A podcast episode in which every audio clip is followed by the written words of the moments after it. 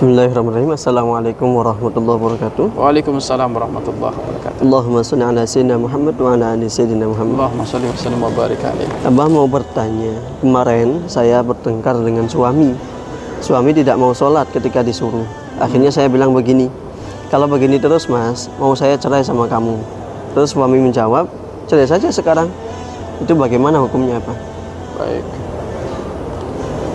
Jika ada suami nggak sholat, ya ini ujian bagi istri.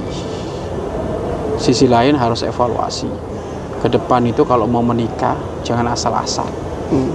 Menikah itu harus ada petunjuk istiqorohnya para ulama karena dia akan menjadi pendamping hidup kita seumur hidup yang akan melahirkan anak-anak kita.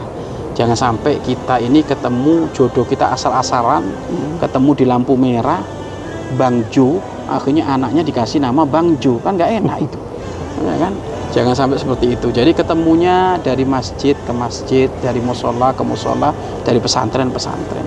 Ada pun kalau sudah terlanjur ternyata ah, suaminya nggak sholat, maka itu adalah ujian bagi anda untuk mengingatkan agar supaya dia sholat. Hmm. Tentu mengingatkannya itu ya tentu dengan cara lembut, pelan-pelan, karena dia seorang imam, pemimpin. Hmm. Kalau dia diingatkan dengan cara keras, dia akan keras hatinya, maka membabi buta nanti. Hmm. Makanya kayak tadi kalimat jenengan tadi itu seharusnya tidak perlu diucapkan. Sudahlah kalau kayak gini, udahlah kita minta cerai saja. Nah Hmm. itu sebenarnya nggak boleh kalimat kayak gitu. Hmm. Itu kalimat kayak gitu itu terakhir nanti kalau sudah nggak ada cara lagi. Nggak maksud nggak berhenti berhenti terus kayak gitu nggak berubah berubah. Nah itu nanti. Tapi nanti setelah beberapa tahap kan gitu. Hmm. Iya kan. Bisa jadi ternyata yang mengingatkan nggak harus anda.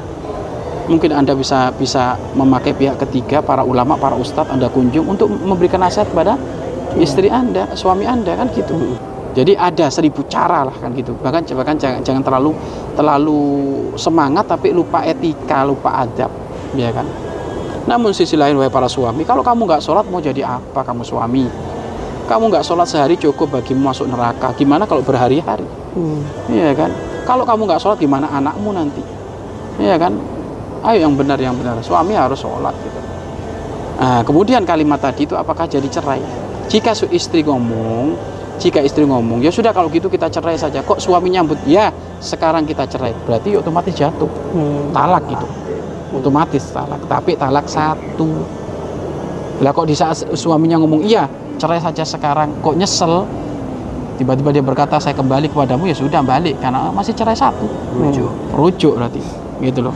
Rujuk itu, itu walaupun istrinya setuju nggak setuju ya tetap jadi rujuk. Hmm. Jangan gitu.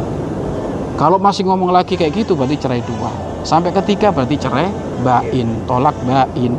Kalau tolak bain nggak bisa rujuk kecuali harus ada muhalil. Hmm. Dinikahi dulu sama orang dulu. Kalau dinikahi sama orang lain dicerai lagi boleh nanti sama jenengan setelah masa iddah habis. Hmm. Tapi kalau lanjut sama suami yang kedua karena suaminya sholat ya kapok kamu. Iya kan?